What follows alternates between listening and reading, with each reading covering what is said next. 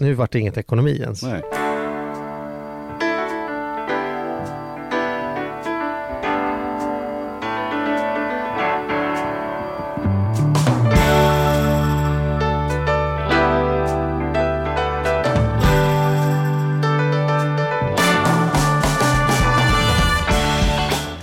Välkommen till Ekonomi på riktigt med Charlie och Mattias. Tja Charlie, hur mår du? Tjenare, tjenare. Du, det är alldeles utmärkt. Härligt. Eh, det är jättebra.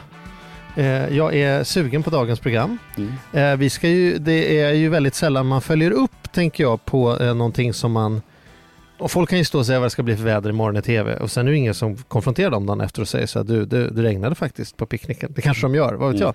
Men så att det, det ska vi börja idag. Vi, har, ska ju prata om eh, bostadsrättsekonomi eh, ekonomi och eh, lite saker kring det där. Ja, Ett kring jädra virvar Ja, och precis. pågår mycket, jag ska inte säga skumheter, det kan andra få säga. Och den vi har tänkt ska säga sådana saker är Swedbanks egen Arturo.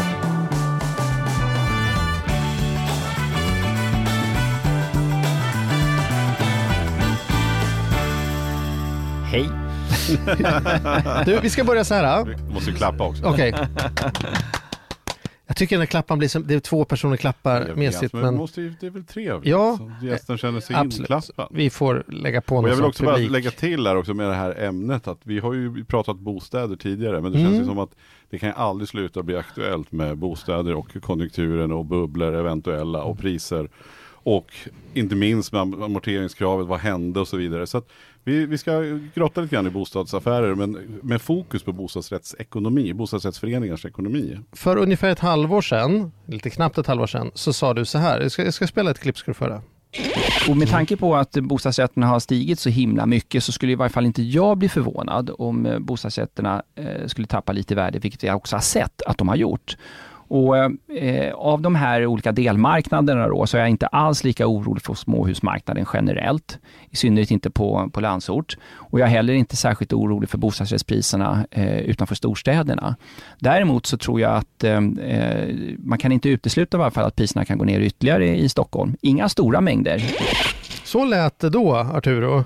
Din tes var ju att vi kan se att lägenheterna kommer gå ner lite i Stockholm, nog inte villorna och nog inte bostadsrätter och villor utanför storstäderna. Hur har det gått? Ja, det blev ungefär så va? Vann du? Ibland ska man ha tur. Ja. Nej, men det har, det har, man måste ju ändå säga att det har varit en ganska tydlig nedgång på bostadsrätter i, i storstäderna. Framförallt, eller jag kan ju Stockholmsmarknaden Mm. mest. där. Hur har det varit i Göteborg, Malmö? Vi har sett en Um. press i storstäderna, det har vi Mm. gjort. Mm. Eh, Men framförallt runt Stockholmsområdet där det har byggts väldigt mycket nytt också, nya bostadsrätter. Och det är framförallt de som har tagit stryk. Men är det någon skillnad på innerstan och ytterområdena? Alltså Ja det är det. förorterna runt om Innerstan kontra har tagit, ja lite grann. Eh, Men det har gått ner lite grann, det är lite grann beroende på vilken kommun vi pratar om. Vissa kommuner har ju faktiskt gått ner en 10-15 procent, precis som i Stockholms innerstad. Mm. Eh, Medan det andra kommuner har stått still. Mm. Eh, Så att det är väldigt lokalt och det här med bostäder, det är en väldigt lokal marknad. Mm. Mm. Hur har det varit med småhusen då som vi snackade om? Det är ju Mycket stabilt och till och med fritidshusen har ju gått upp. Så att eh, samma sak där. Man ska komma ihåg att eh, normalt sett de som köper småhus har generellt sett något bättre ekonomi än eh, de som köper bostadsrätter om vi pratar för riket som helhet då. då. Och eh, när man köper ett småhus så eh, är det förmodligen en lite större investering då i kronor räknat för många och en investering som många också eh, tänker begagna sig av under väldigt, väldigt lång tid. Det vill säga att man ska bo kvar där väldigt länge. Mm. Så att den, eh, det är inte lika volatilt, det är inte lika, liksom, priserna varierar inte lika mycket på Nej. småhusmarknaden som kanske för bostadsrätter i storstäder. Det. Vad tror du om vi träffas om ett halvår igen? Tror, vill du, om du skulle upp, upp eh, båda en ny En ny spådom prognos, en ny spådom.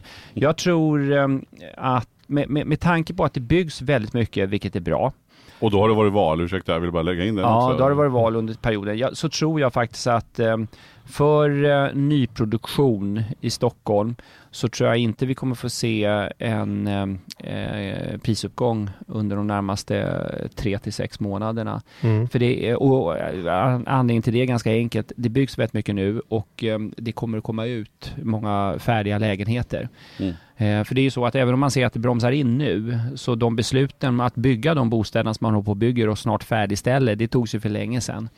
Men Så det är väl fortfarande så att det finns ett stort bostadsbehov ju. Absolut. Det är inte så att de Man framhåller att största eh, hotet mot tillväxten i Stockholm är ju bristen på bostäder så Ja. att ny kompetens kan inte bo någonstans. Så det byggs väl fortfarande alldeles för lite men även det här lilla gör att marknaden gungar. Liksom. Problemet, problemet är att eh, egentligen två kan, som jag ser det. Det ena är att eh, det som byggs eh, är för dyrt. Mm. Det kan inte efterfrågas av eh, en större grupp utan eh, väldigt begränsad grupp. Och den gruppen eh, som har råd eh, börjar ta slut nu. Eh, Mm. Det är det ena. Eh, det, det andra stora problemet också det är ju att kreditrestriktioner och annat, höga amorteringskrav slår ju rätt hårt i storstäderna Mm. där inkomsterna är höga men också bostadspriserna är höga. Eh, Och det är framför allt i storstäderna som det slår. Så att lite tuffare kreditregler eh, och en eh, mättad marknad för just det segmentet som man har byggt i eh, tror jag men gör att det kommer att vara lite tufft för just det segmentet. då? Om man sitter och funderar på att köpa en, en lägenhet som inte är nyproduktion. Ja, Tror du i en förening som är välskött med låg skuldsättning och annat så tror jag att priserna kan mycket väl ligga på de här nivåerna även om eh, tre till sex månader. Mm. Absolut. Du tror inte det kommer sjunka mer med den typen? Alltså välskötta, det kan jag säga som har suttit som ordförande i 30 år, eh, alltså välskötta föreningar med en eh, låg skuldsättning, låga driftskostnader, väl underhållen fastighet. Det kommer alltid finnas en efterfrågan på. Gud vad Men- skönt men- att du men- säger det för att då kommer vi in på kärnämnet här. Mm. Jag, jag skulle ju spontant tro, min spaning Mm. från mina år som fastighetsmäklare, det är att folk har en tendens att, att inte vara speciellt engagerade i vad är det för förening jag köper in mig i. Mm. Eh, att man mer tittar på, ja, eller det är klart man tittar mer på planlösning och, Mm. och, och väderstreck än vad man tittar på årsredovisningen. Men, men att du säger att det ändå är en stor skillnad i prisutveckling på en förening som skuldsättningsgrad och har vi blivit mer medvetna om föreningsekonomi när vi köper bostadsrätter eller är det fortfarande under all kritik som det var när jag var mäklare för Ja. typ 20 år sedan? Det har blivit väsentligt bättre, men det är på tok för dåligt fortfarande. Allt fler frågar eh, om skuldsättning och eh, räntekänslighet och sådana saker. Men eh, det är ju någonting som alla borde fråga och ha koll på och det är långt ifrån alla som har. Men varför det då? Det Om blir du bättre. måla upp nu för den som ska köpa, varför att måste det jag lyssna på komplex, avsnittet? alltså det är en ganska stor komplex sak att köpa en bostadsrätt. Eh, Det är inte lätt att läsa en årsredovisning och förstå allt som står där. Det är det Mm. ena. Eh, Det andra är också att eh, det kanske saknas ibland incitament från föreningen eller fastighetsmäklare eller andra att förse hushållen med all information eh, Eh, alla gånger. Och det gör ju det hela då eh, ytterligare lite mer komplicerat. Och därför tror jag att det krävs en lagstiftning. En lagstiftning som, som eh, man har tittat på och där en utredning som jag själv var med i presenterade ett batteri av förslag för att stärka konsumentskyddet i april 2017. Mm. Så att eh, jag ännu- tror att det kommer en lagstiftning och jag tror att det kommer att få, vi kommer få se lagkrav på stärkt konsumentskydd genom att ge bättre, eh, Bättre information, om föreningarna. Om föreningarna men också om själva bostadsrätten, det vill säga lägenhetens andel av föreningens lån för att ta ett annat exempel. Mm. Varför är det här viktigt för mig som konsument? Eh, de har städdag två gånger per år och så sitter Ja. några gubbar i ett hörn och bestämmer vem som ska eh, skotta snön. Mm. Varför ska jag vara så himla engagerad i, i det här? Vad, vad är liksom Därför att det är så otroligt viktigt. Jag brukar säga så här att mat på bordet, kläder på kroppen och tak över huvudet det behöver vi alla. Och det här med taket över huvudet, det är ju ingen liten kostnad idag. Va? För många så är det ju miljonbelopp vi pratar om. Inte minst här i Stockholmsområdet är det ju jättedyrt. Och den enskilt största utgiften för hushållen är boendet. Eh, Det är inte ovanligt att folk lägger mellan 25 och till 35 procent av den disponibla inkomsten på boendet. Idag med dagens låga räntor ska tilläggas. Mm. Och det kan ju bli ännu mer då om räntan skulle gå upp. Och därför är boendet viktigt. Sen är det ju så att eh, vi vistas mycket inomhus. Vi tycker i Sverige att det här med boende och ett bra boende är viktigt, så vi Mm. prioriterar det. Men varför just föreningens ekonomi? Alltså förstår du? Därför att... eh, Vad, vad folk- skulle kunna hända? Ja, det är ju inte så att de går i konkurs direkt, Eh, eller? Nej, men det har hänt att även sådana saker har eh, inträffat. Att Mm. föreningar har gått i konkurs, men det är väldigt ovanligt fortfarande. Eh, ytterst få föreningar som går i konkurs, eh, tack och lov. Och eh, vi får inte glömma bort att eh, det finns väldigt många bostadsrättsföreningar, ungefär 25 000 aktiva bostadsrättsföreningar och över en miljon bostadsrätter. Mm. Och de flesta eh, som köper en bostadsrätt idag eh, tänker sig naturligtvis noga för, men ibland kan den här affären gå lite väl fort och inte minst i områden som är väldigt heta så kan man ju göra ett avslut på en vecka eller tio dagar. Det som kanske förr i tiden tog tre, fyra veckor, det går fortare idag. Och när man gör en så stor investering som boendet ändå innebär, då är det viktigt att man har rätt beslutsunderlag. Och eh, man äger inte en bostadsrätt, man har nyttjanderätten eh, obegränsat i tid förvisso, men du äger inte lägenheten utan du äger en andel av föreningen och därför är det så viktigt att sätta sig in i föreningens ekonomi. För om nu en förening är eh, högt belånad, mm. eh, eller behöver inte vara så högt belånad, men, mm. men har som många föreningar har ändå mm. ett, ett, en skuld och om nu räntan skulle tredubblas eller fördubblas eller ja. gå upp då. Det är inte, det är inte alls omöjligt att Nej. det skulle ske. Ja. Va, va, det, på, det kommer ju verkligen slå, kan slå hårt på månadsavgifterna. Absolut. Tittar man på en, eh, på snittet, den genomsnittliga skuldsättningen i Sverige eh, på en eh, bostadsrättsförening ligger runt 5 000 kronor per kvadrat. Men variationsvidden är väldigt stor en nyproducerad... Vad sa du en gång till? 5 000, 5 000 kronor, kronor per kvadrat. Så bor du i en lägenhet på 70 kvadrat, ja. då är det 7 gånger 5, det är 35. Så 350 000 kronor indirekt har du lån som medlem i en bostadsrättsförening om du bor i en gammal förening till exempel, hyfsat gammal förening från låt säga eh, början på 80-talet. Mm. Men variationsvidden är väldigt stor. Eh, har du precis köpt eh, en lägenhet i en nyproducerad bostadsrättsförening då är det inte ovanligt med att eh, skuldsättningen är kanske runt 12 000 kronor per kvadratmeter. Och klart, då har du ju en helt annan skuldsättning och klart, går räntan upp då, mm. Då är det ju inte några 300 kronor du betalar mer i månadsavgift, utan kanske 900 kronor du betalar mer i månadsavgift om räntan går upp med en procentenhet. Och, och går den då upp med 3 procent? Ja, då blir det ju jättemycket. Ja. Och det är klart, det här tror jag långt ifrån alla är medvetna om. Och då måste man förstå att vad som händer då, inte bara får man 3 000 till i månadsavgift, till man säger, men då får vi väl flytta. Och dessutom går, är det svårt att sälja den lägenheten för det man köpte den för. Ja, i köpte den marknaden. Man den, köpte mm. man den för 2 miljoner, helt plötsligt så kostar det 3, 3 000 till i månaden att bo där. Mm. Ja, då kanske man har en förlust på över en miljon mm. i försäljning också. Va? Och det, nu pratar vi om räntan, men det är ju också Finns det lokaler i föreningen som, som eh, liksom, det är jättebra, det är en ICA-butik i botten här och mm. de betalar så har jag månadsavgift på 2 5 i månaden. Ja, vips så flyttar ICA-butiken därifrån och lokalen står outhyrd. Ja, då kan det bli 5 000 i månaden. Mm. För jättemycket av föreningens ekonomi byggde på den där mm. ICA-handlaren. Va? Och det här är exempel på, på saker som man som konsument måste sätta sig in i. Mm. Eh, och när man eh, köper en bostadsrätt så är det otroligt viktigt då att man läser årsredovisningen och också förstår vad som står i den här årsredovisningen. Eh, och gör, kan man inte det, då ska man ju ta hjälp eh, av någon som man har förtroende för och som, eh, som, som kan läsa årsredovisningen och förklara för personen i fråga då vad, vilken ekonomi föreningen har och vilka för och nackdelar som finns. För alla föreningar har för och nackdelar. En ny förening har ju fördelen av att ha noll i teknisk skuld. Alltså renoveringsbehovet är ju noll mm. när man köper en nyproducerad eh, en bostadsrätt i nyproducerad förening. Men eh, baksidan då är att man har en, en högre skuldsättning. Och motsatsen då en gammal förening som kanske har lite lån eller inga lån i bästa fall då, mm. men som har renoveringsbehov runt hörnet som kommer att kosta massa pengar och det finns inga pengar undanstoppade så man måste gå till banken och låna. Det klassiska stambytet som ja. pratar om. Liksom. Så att men det där det är, är väldigt klokt då, om inte annat prata med sin bank. Det ligger väl lika mycket i bankens intresse tänker Absolut. jag. Om man inte har någon nära och kär som kan läsa årsredovisningar så kan man Så prata till... med bankens eh, ja. bolånerådgivare. Så kan väl de titta på den där. Det ska det väl ingå i servicen tänker jag. Eh, absolut, och inte minst mäklarens. Nej, mm. precis. Mm. Nu är det lite läskigt att fråga mäklaren, är det här en bra förening eller inte?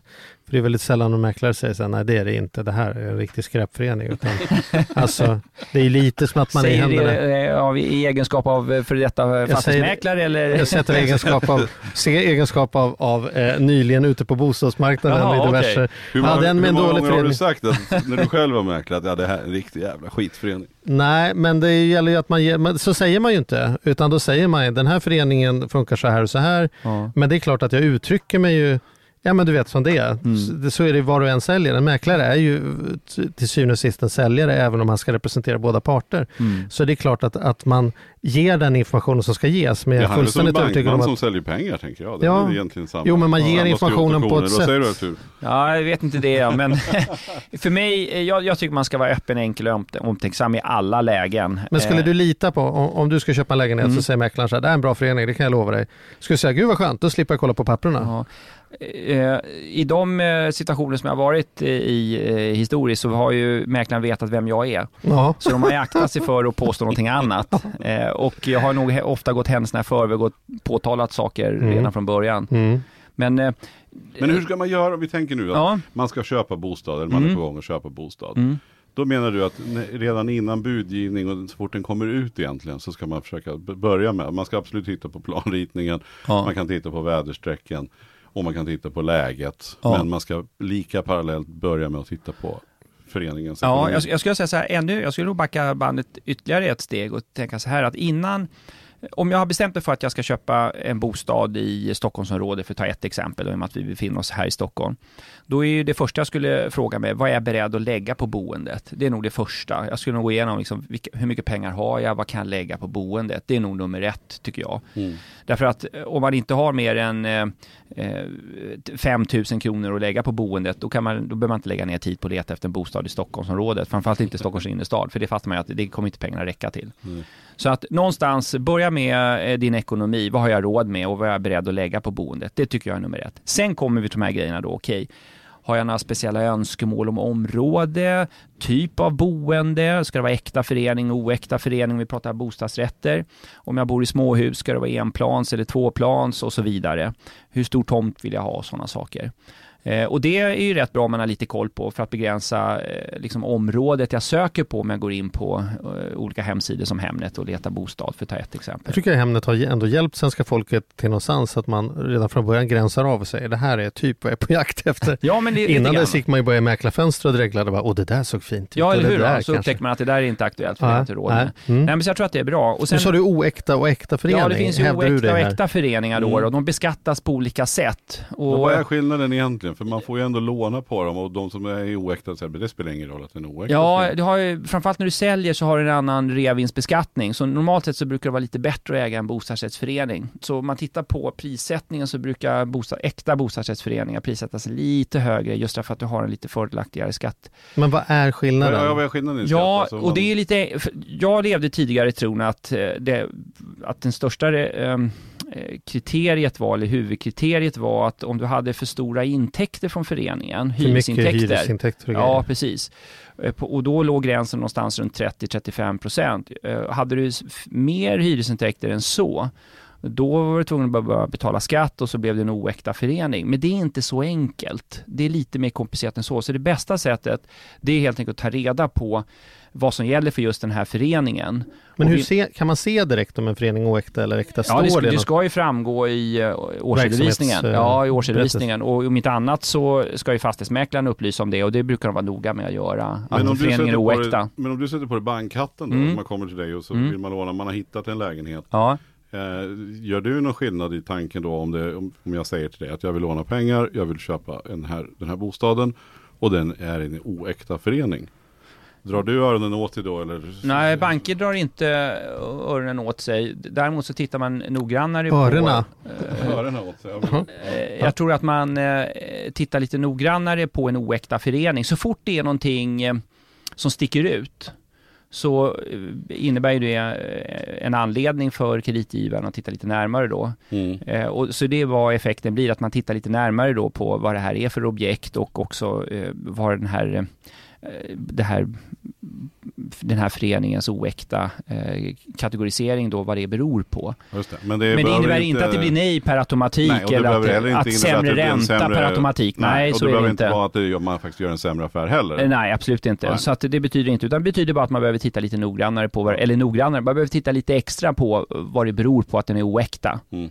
Men, men ingenting som ska avskräcka, tycker jag, om allting i övrigt ser bra ut. Ja, men eh, steg nummer ett tycker jag som sagt är att man tittar på ekonomin. Steg nummer två att man eh, i linje med de områdena som är aktuella då Eh, och sen naturligtvis sätter igång och börjar titta på saker som är svår, svåra att förändra. För jag menar, många lägger ju mycket stor vikt liksom, på vilka tapeter och hur det ser ut invändigt. Allt sånt går ju att ändra. Jag har inte fattat när jag var mäklare, folk öppnar kylen. Tänker så här, vad ska du se inne i kylen som gör att ett, en affär för 6 miljoner skulle ha något? Nej, för få äggfack, då tar vi inte den här lägenheten. Alltså det är jättekonstigt. Jo, det är lite roligt det där. Det där, det där känner jag igen, eh, hur folk gör. Och jag, vet, jag, tror att det är otroligt mycket psykologiskt där. Att en människa som har mycket mat i kylen, där allt är färskt och bra, Aha. det är förmodligen ordentliga människor som har varit rädda mm. om sin lägenhet. Mm. Och då har man nog tagit hand om den på ett bra sätt. Jag tror att det är lite så, Charlie. Eh, man kan tycka att det låter lite corny, men jag, inte för att jag gör så. Mm. Du ska inte tolka in mitt svar eh, att jag, jag gör så. Förstår, mm. Men jag kan förstå lite, ja precis, att det har att göra med lite det. Sämsta mäklarkommentaren jag fått någonsin, det var det här är en bra lägenhet. John Guidettis syrra bodde två portar bort förut. Jag bara okej, okay. jädrar där satt den. Jag mötte Lassie. Ja, John Guidettis syrra bodde här förut. Då jävlar är det inte många argument kvar. Ja. Ja, Då måste det vara bra. Ja. Nej, jag tror att eh, det man ska försöka fokusera på när man köper en bostadsrätt rent generellt eh, och det som många konsumenter har svårt för, det är att sätta sig in i föreningens ekonomi. Och, eh, och då är årsredovisningen en bra utgångspunkt. Så lägg tid och fokus på årsredovisningen. Ställ frågor, helst till ordföranden direkt, men också till fastighetsmäklaren. Det ska fastighetsmäklaren vara utbildad för att kunna svara på alla de frågor du har och kompetenta nog att kunna göra. Så att eh, utnyttja det. Och köper man en väsentlig andel i en mångmiljonfastighet, då är det inte orimligt att man tar en kvart och faktiskt pratar med ordförande i föreningen. Det är ju för ordföranden allt som oftast inställda och förberedda på. Att ja, det ingår absolut. i deras jobb att folk frågar, nu funderar på att köpa en lägenhet i ditt hus, vad kan du berätta? Han vet ju oftast, en, en fastighetsmäklare behöver inte ha något dåligt uppsåt, men det är sällan de vet på den. Den som är ordförande i föreningen vet ju, nej nej fönstren, de har vi precis kollat upp, de kommer vi inte fixa på länge. Eller mm. ja, de där parkeringsplatserna, de är det ingen kö till. Mm. Ja, det är ju väldigt mycket man kan Håller få. Håller helt och fullt med dig. Och det är ju en outnyttjad eh, potential att eh, eh, kontakta styrelsen och helst ordföranden och helst då en ordförande som kanske varit med ett tag. Mm. Och är det så att ordföranden är ny och lite osäker, vilket inte är ovanligt, eh, så kontakta den förra ordföranden eller någon annan i styrelsen som har suttit med i föreningen länge, som kan föreningen.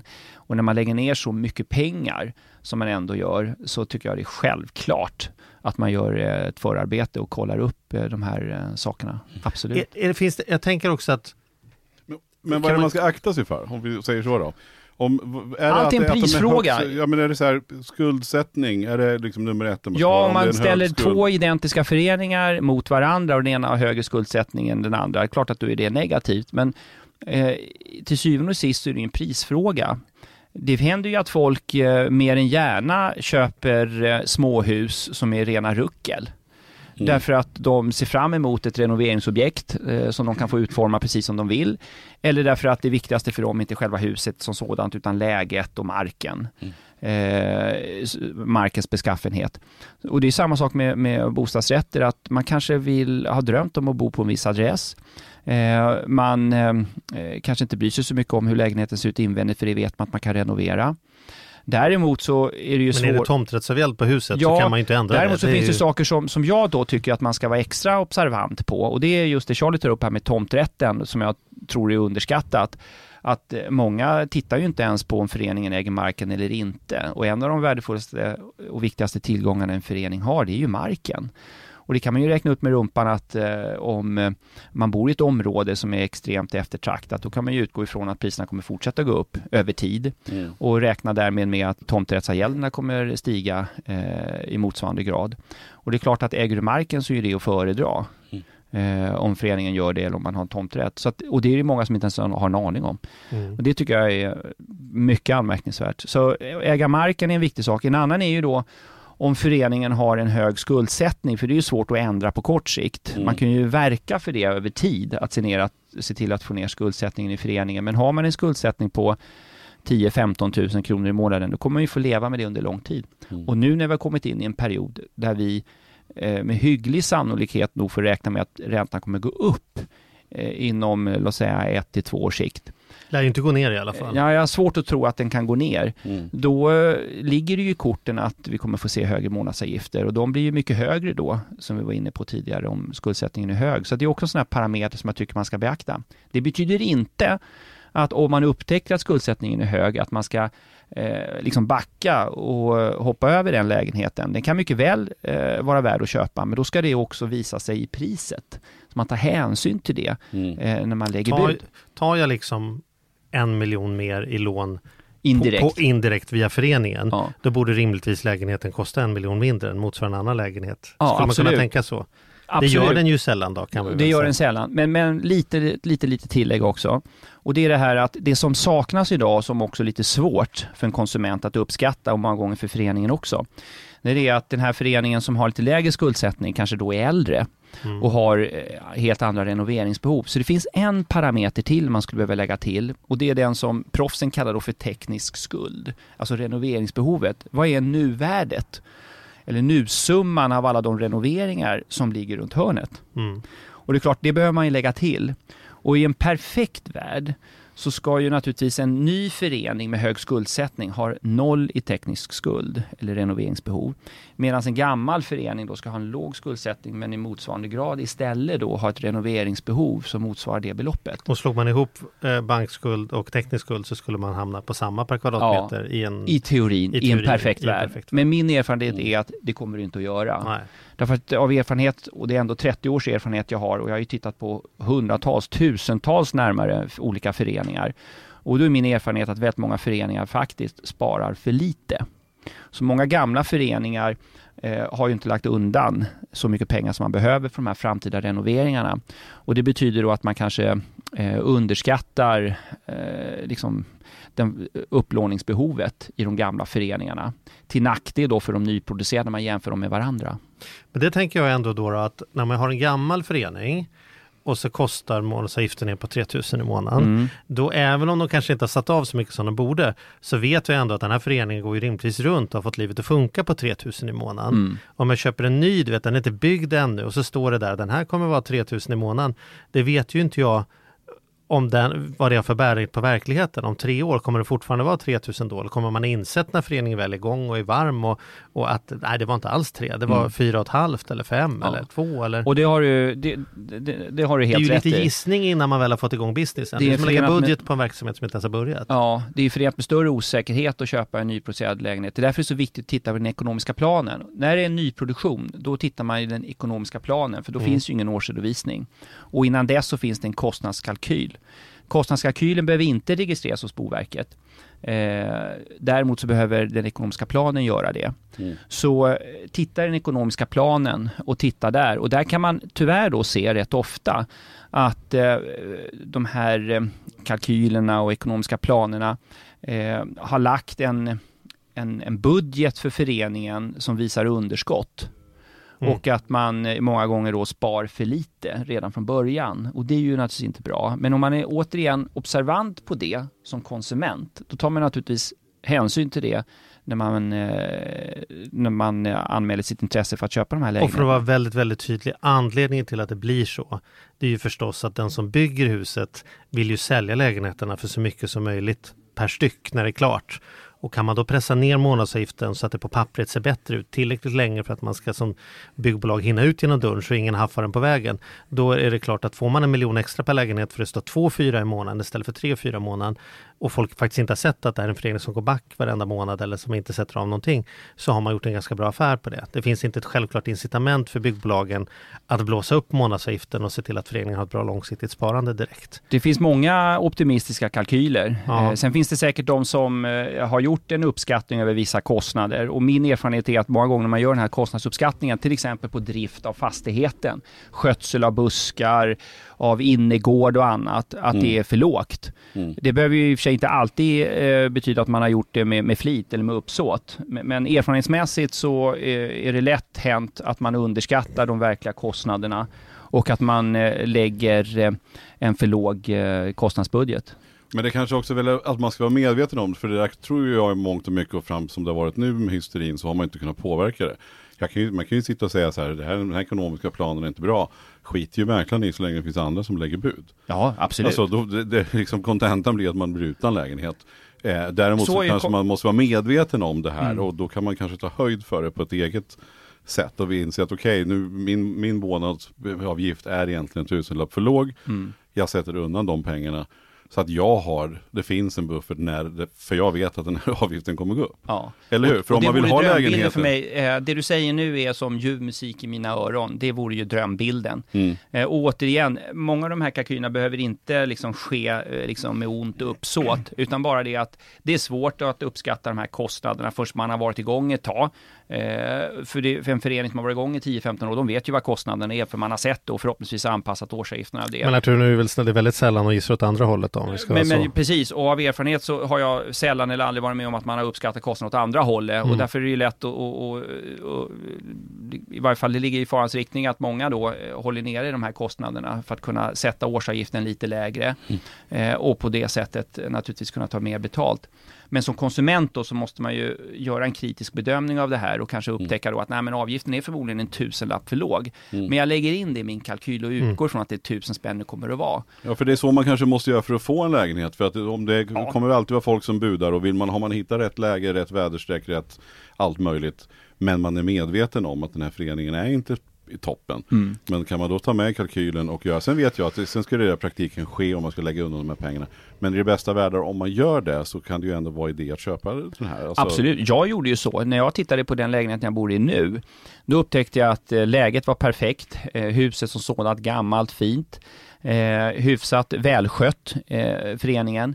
Men ekonomin var inte så välskött. Man gick med stora underskott och hade systematiskt gått med stora underskott under lång tid. Man hade haft ett alldeles för dåligt sparande för framtida renoveringsbehov och det fanns en del renoveringar som skulle ske. Fatta vilken jackpot när Arturo flyttar in i det. Så vad jag gjorde då, det var ju att jag tyckte att nej, men här vill jag bo och jag tycker huset är fint, det är från 1920 och allting passar perfekt till, till arbetet och allting. Men det finns en hel del att göra i föreningen, så då flyttade jag in dit och engagerade mig och sitter numera som ordförande i föreningen. Och vi har ju naturligtvis sett till nu att vi täcker alla våra kostnader, vi har höjt sparandet rejält och nu eh, har vi eh, en helt annan ekonomi än vad vi hade när jag flyttade dit för fem år sedan. Och hur månadsavgiften då? Hur mycket har den Tusen kronor mer. Och det är inte mer. Och då kan man tycka att, jaha, då säger många kompisar till mig, ja du är inte så populär va? Men, Mm. men eh, jag skulle nog säga att det är många nu som har insett nyttan av det här, för det är faktiskt våra egna pengar. Och, Mm. och ni som då är proffs på det här med ekonomi, det är ju liksom vår, det är ju min plånbok. Om jag, lägger, om jag avstår en tusenlapp från min egen plånbok och lägger i föreningens, jag har ju en del av föreningen, så det är ju fortfarande min plånbok.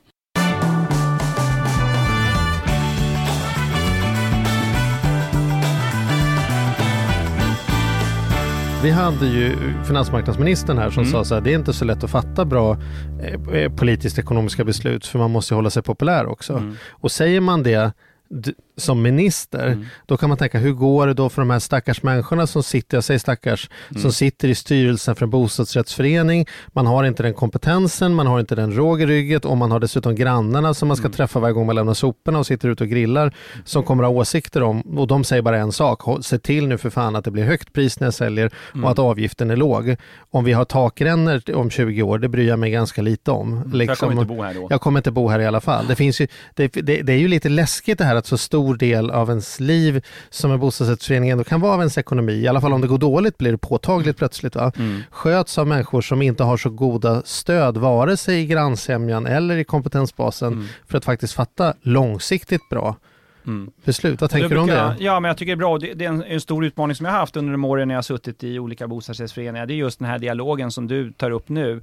Som jag tror är ett av de största problemen i många styrelser, att man är alldeles för kortsiktig. Mm. Och många som sitter i styrelsen har inte för avsikt att bo kvar här, särskilt, bo kvar i föreningen särskilt länge. Och då tittar mer kortsiktigt på sin egen plånbok. Det är därför det är så viktigt att upplysningen till konsumenten generellt sett blir bättre. Så att en konsument, som Mattias var inne på, genomskådar för låga avgifter till exempel, Mm. för dåligt sparande i sin prissättning. Så att det liksom inte går att lura någon. Eh, Men jag tror också att det är viktigt att man har en dialog i styrelsen. Att sitta i styrelsen, det är ett förtroendeuppdrag. Du ska förvalta föreningens ekonomi på bästa möjliga sätt och, och, och på det sättet gagna medlemmarna. Inte gynna din, din egen plånbok under den korta perioden som du bor där själv. Eh, så att, ju- och för mig har det inte varit ett problem när väl insikten infinner sig i dem, som, hos dem som sitter i styrelsen. Därför att alla vet att det som är bra för föreningen, det är bra i slutändan för medlemmarna också. Och om du ska ha 1000 kronor lägre månadsavgift eller om du vill ha 2000 mer sen, Mm.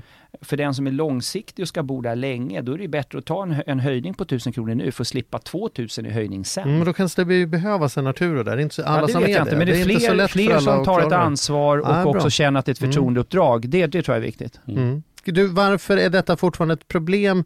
Varför har inte bara så staten och Konsumentverket och andra redan skapat färdiga svanenmärkningar och säga så här, det här ska en förening nyckeltal redovisat så att det spelar ingen roll hur korrupt en mäklare är. Det finns liksom en sida som visar visar hur, hur, liksom, hur det står till. Mm. Jag tror att svaret på den frågan är att det, det är väldigt mycket på gång. Eh, dels i den här statliga utredningen då, SOU 2017 31 för den som vill läsa. Och den har vi alla läst.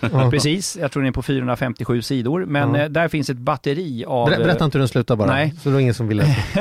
ett, ett, batteri av, eh, av eh, konkreta förslag på hur man kan uh, förbättra informationen till konsumenten så att de tar bättre beslut. Mm. Eh, men det, det jag tror är det viktigaste i det här läget, det är att eh, ni och många andra då hjälper till med folkbildningen. För oberoende av den, här folk, av den här lagstiftningen så kan man göra väldigt mycket redan nu. Och ett är att eh, naturligtvis upplysa om vad man ska titta på och fokusera på, precis som vi gör nu.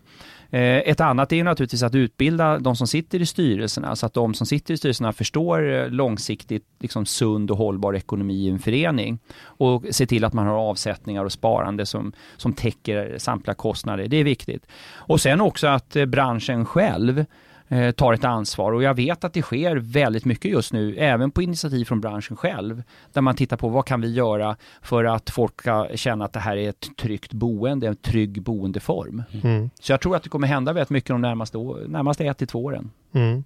Mm. Ja men det tror jag också, och inte minst med, med nätet, det börjar komma upp sådana här, liksom alla brf.se ja. och, och liksom enklare Den kan man ju tipsa på rakt av. Säg, ja. Den vet du också, du, mm. Arturo, berätta lite om alla brf.se. Vi har ja, nämnt den i en podd tidigare. En, det är en tjänst som finns på nätet som eh, följer, jag tror att de täcker en 85 procent av alla bostadsrätter eh, och bostadsrättsföreningar i landet.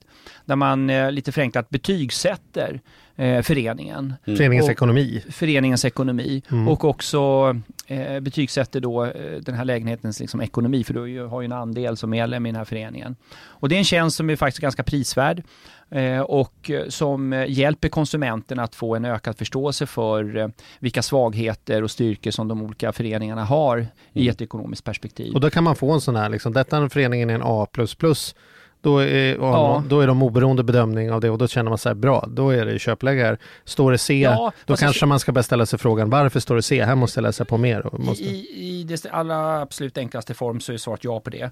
Men, men betyget går ju då från C till A++. Men återigen, en, en förening som har C mm. till exempel eller, eller B eh, behöver nödvändigtvis inte betyda att man inte ska köpa. Återigen, det, då ska man titta Men det ökar på, kraven på att läsa på i alla fall? Ja, och framförallt då om du kan få den en halv miljon billigare eller vad det mm. blir, en miljon billigare, mm. så kan det vara precis lika bra köp som den som heter A++. För i min värld så, så ska ju naturligtvis eh, en förening som har betyget A plus eller A plus plus liksom kosta mer. Mm. Eller hur? Mm. Och det kan ju i slutändan innebära då att kanske inte är lika attraktivt då för en som kan få tag på en, på en som är klassad som en B, men mycket, mycket billigare. Då kanske det är ett bättre köp. Just det, och man kan se det som en fingervisning åt, i alla ja. fall. Och man kan använda det och, och sen, Absolut. som att se ett C eller B så bör man titta på det. Ett A plus så kanske man också ska vara beredd på att här kanske ja, jag också för per definition, det är som en aktie. Va? Det, vi, vi, det finns ju naturligtvis eh, Eh, bolag som är otroligt välskötta och väldigt lönsamma. Men de kostar också förmodligen, de har förmodligen en högre värdering på börsen också. Så det är inte nödvändigtvis den aktien som går bäst. Mm. Och det är samma sak här. Men, men det är klart att det, en, det ger ju en ökad trygghet att köpa en, förening, en, en bostadsrätt i en förening med ett högt betyg enligt brf.se. Mm. Sen är det ju ett problem med alla de här betygssättningarna då, då. Det finns otroligt mycket man behöver ta hänsyn till och allt kan man inte sätta en siffra på. Mm. Det skulle ju behövas att det blir en ännu, att det finns en ännu mm. bättre mätning, en ännu tydligare standardiserad, liksom, standardiserad Absolut någonting som ja. gör att man kan få ännu mer vägledning. Ja, eh, varför inte en ekonomideklaration av mm. alla eh, bostadsrättsföreningar? Mm. Där man, eh, precis som man går till... Som energideklaration brukar vara. Ja, på liksom fast om man köper en vitvara idag mm. så kan man få liksom en deklaration också om mm. hur vattenförbrukning, diskmaskin, mm. energiförbrukning och sådana saker. Det vore väl jättebra mm. om man hade det för bostadsrätter i landet. Kanske kommer. Du, jag har en, en sista fråga och ja. det är ju när vi gjorde ett program om bilköp, ja. då, då pratade vi om, ska man man köpa ny bil eller begagnad bil Mm. och konstaterade att det var väldigt svårt att hitta någon ekonomisk grund för att köpa ny bil. Ja. Och då har jag samma sak om bostadsrätt här. Skulle Ja. man kunna titta på om jag köper en begagnad bostadsrätt, man kan kalla det för begagnad, Mm. men Mm. alltså, och, Mm. eller en ny förening. Mm. Finns det statistik som säger två år, tre år, fem år senare, eh, eller lön, vad är lönsammast? Först, förstår du frågan? Ja, har de gått upp frågan. lika mycket eller går de Ja. generellt sett upp lite mindre? Betalar jag extra mycket för att jag har valt vilka köksluckor det ska vara som jag sen inte får tillbaka? Mm. Eller? Någon sådan undersökning har jag inte sett. Däremot så vet jag att, eh, eh, och det, för det finns det nämligen inte statistik på, eh, de eh, bostadsrättsföreningar som har varit föremål för ombildning till exempel, för att ta Mm. en, ny- en, liten, en liten ytterlighet då, och de är ju ändå ganska många på senare tid, många föreningar som har ombildats Mm. då, från hyresrätt till bostadsrättsföreningar. Då har man ju sett att eh, väldigt många av de här föreningarna har varit tvungna att höja sina avgifter rätt kraftigt fem år senare. För de har nämligen gått in och tittat, okej fem år senare, vad ligger Mm. månadsavgiften på nu? Mm. Då har man upptäckt att, att eh, månadsavgiften har ju höjts mer i procent i de föreningarna som är ombildade. Mm. Förmodligen för att man har satt för låga avgifter Man hade en liten glädjekalkyl när man sålde huset till medlemmarna av föreningen. Där, Till exempel. För alla var med. Mm. Ja. Eh, så, så, men däremot så har det varit å andra sidan en väldigt bra affär för många som har varit med i en ombildning. Eh, därför att som vi vet så pris, när man prissätter en hyresfastighet så är det en annan kalkyl än om man prissätter värdet på en bostadsrättsförening. Så, och det är klart att där har ju en vinst eh, uppstått. Så att det har ju sällan varit en dålig affär för de som har varit med i en ombildning Men de nyproduktion senaste då? tio åren. Nyproduktion de senaste tio åren? Ja, nyproduktion är lite annorlunda för nu eh, säljer man ju nyproduktionen till marknadspris. Ja. Eh, Tidigare så tittar man ju mer på produktionskostnaden och så var det ett klipp om du fick, en om du fick möjlighet att köpa nyproduktion. Numera så tar man ju betalt eh, efter marknadspris. Och eh, där, eh, sa, sa, vad jag känner inte till någon statistik på det, men det är klart eh, med den skuldsättningen som vi ser idag i nyproduktionen i kronor räknat så, eh, så ska det bli väldigt intressant att se framöver här vad som händer med, om, när man följer upp prisutvecklingen, vilka köp som varit bäst. Om du skulle få gissa så som du gissade på prisutvecklingen, tror du att en ny, om jag köper en ny lägenhet idag, tre rummare på 70 kvadrat, månadsavgiften samma, eller en från 20-talet, tre rummare 70 kvadrat, samma månadsavgift. Vem, vem, vem får jag bäst säljvärde på om två år eller ett år? Eller? Oj, det var en bra fråga. Ehm. Det beror på lite grann vilket område vi pratar om. I överhettade områden Ja. Eh, där man har byggt eh, till väldigt dyra, eh, alltså i ett väldigt dyrt segment Stockholm närförort då? och Mm. där skuldsättningen är väldigt hög. Där tror jag att risken finns att de kanske kommer få en sämre prisutveckling i det korta perspektivet Mm. jämfört med om du köper en finare lägenhet i det, i det gamla beståndet så att säga. I övrigt så skulle jag nog inte ta gift på att det är någon större skillnad. Men Mm. just det segmentet ska jag vara lite försiktig. Just därför att du har det här väldigt hög skuldsättning då. Och eh, den marknaden är mättad. Mm. Och det ser vi ju redan nu, liksom, att det är Mm. där priserna eh, har, har eh, justerats De drar tillbaka och, och Ja. sänker priserna. På Till exempel, ja. Mm. ja. Men lite kort då, om vi, det känns som vi har bra koll nu på Mm. bostadsrättsföreningarna. Mm. Jag vill bara ta lite kort, Ja. villor, Ja. alltså småhus, Mm. fritidshus, villor. Eh, är det lite samma logik där med att man kollar upp renoveringsbehoven? Vad, vad skulle du säga är viktigast där då? När du Samma köper? sak där. Steg nummer ett, kolla vad du är beredd att lägga på boendet. Ta hjälp av en, eh, en besiktningsman som besiktar fastigheten åt dig, alltså huset och marken ordentligt och kollar eh, att huset är i bra skick och inte minst att eh, såna här saker som eh, vatten och avlopp, att det är bra elinstallationer och sånt, jättebra. Ja, för där är det väl extra, det är väldigt Ja, viktigt. Hela ansvaret vilar ju på liksom- dig. Ja, då Du står det hela affärsrisken. Ja. Det är viktigt att tak, att det inte läcker och sådana saker. Det, det tror jag är jätte, jätteviktigt. Ta också hjälp av eh, villaägarna. De gör ju kalkyler på eh, vad det kostar. Och de har Mm. faktiskt ganska nyligen också släppt eh, en undersökning då eh, kring eh, vad driftskostnaderna eh, ligger på för att äga ett småhus. Mm. Och eh, många småhusägare underskattar ju, framförallt de som inte haft erfarenhet av att bo i hus tidigare, underskattar ju vad, vad det kostar att bo i hus. För till, när man gör jämförelsen bostadsrätt eh, och småhus. I en bostadsrätt så, så tittar man ju på månadsavgiften och, och där finns en styrelse som har under lång tid eh, erfarenhet av vad driftskostnaderna är och också slitagekostnader och annat.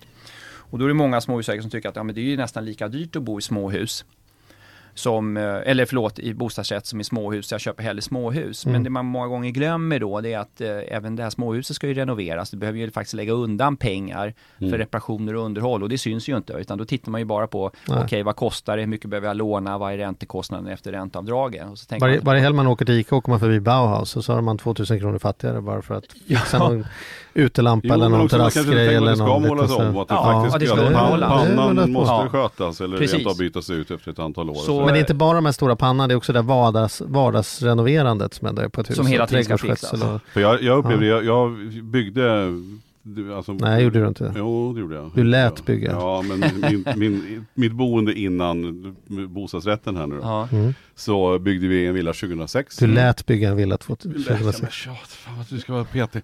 Jag lät bygga, Okej. ett bygg, en byggherre, Ja. Eller en byggdam som kom och byggde ett hus, Mm. en, Ja. våran villa 2006. Mm. Och vi flyttade ju nu då 2017 Mm. därifrån. Men vi märkte ju också allt ifrån, för då var ju allting nytt precis som Mm. du säger, men sen började ju spottarna gå till Ja, ja. exempel.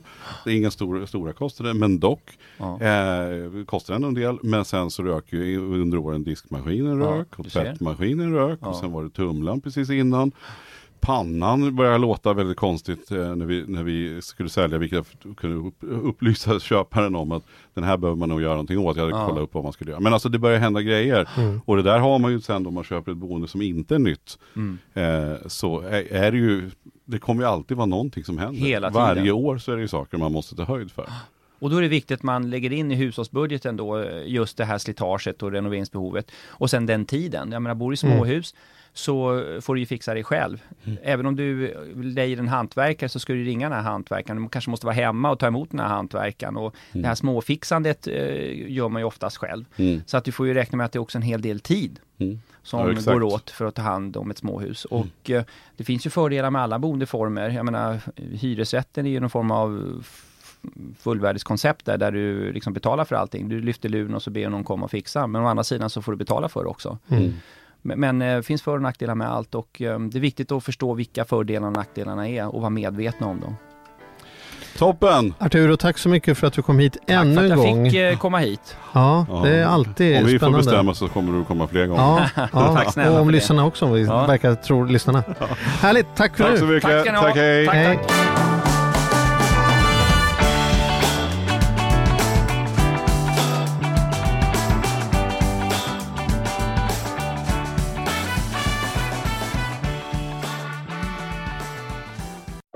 Säsong av Robinson på TV4 Play. Hetta, storm, hunger. Det har hela tiden varit en kamp. Nu är det blod och tårar. liksom. Fan händer just nu. Det. är Detta är inte okej. Robinson 2024, nu fucking kör vi! Streama söndag på TV4 Play.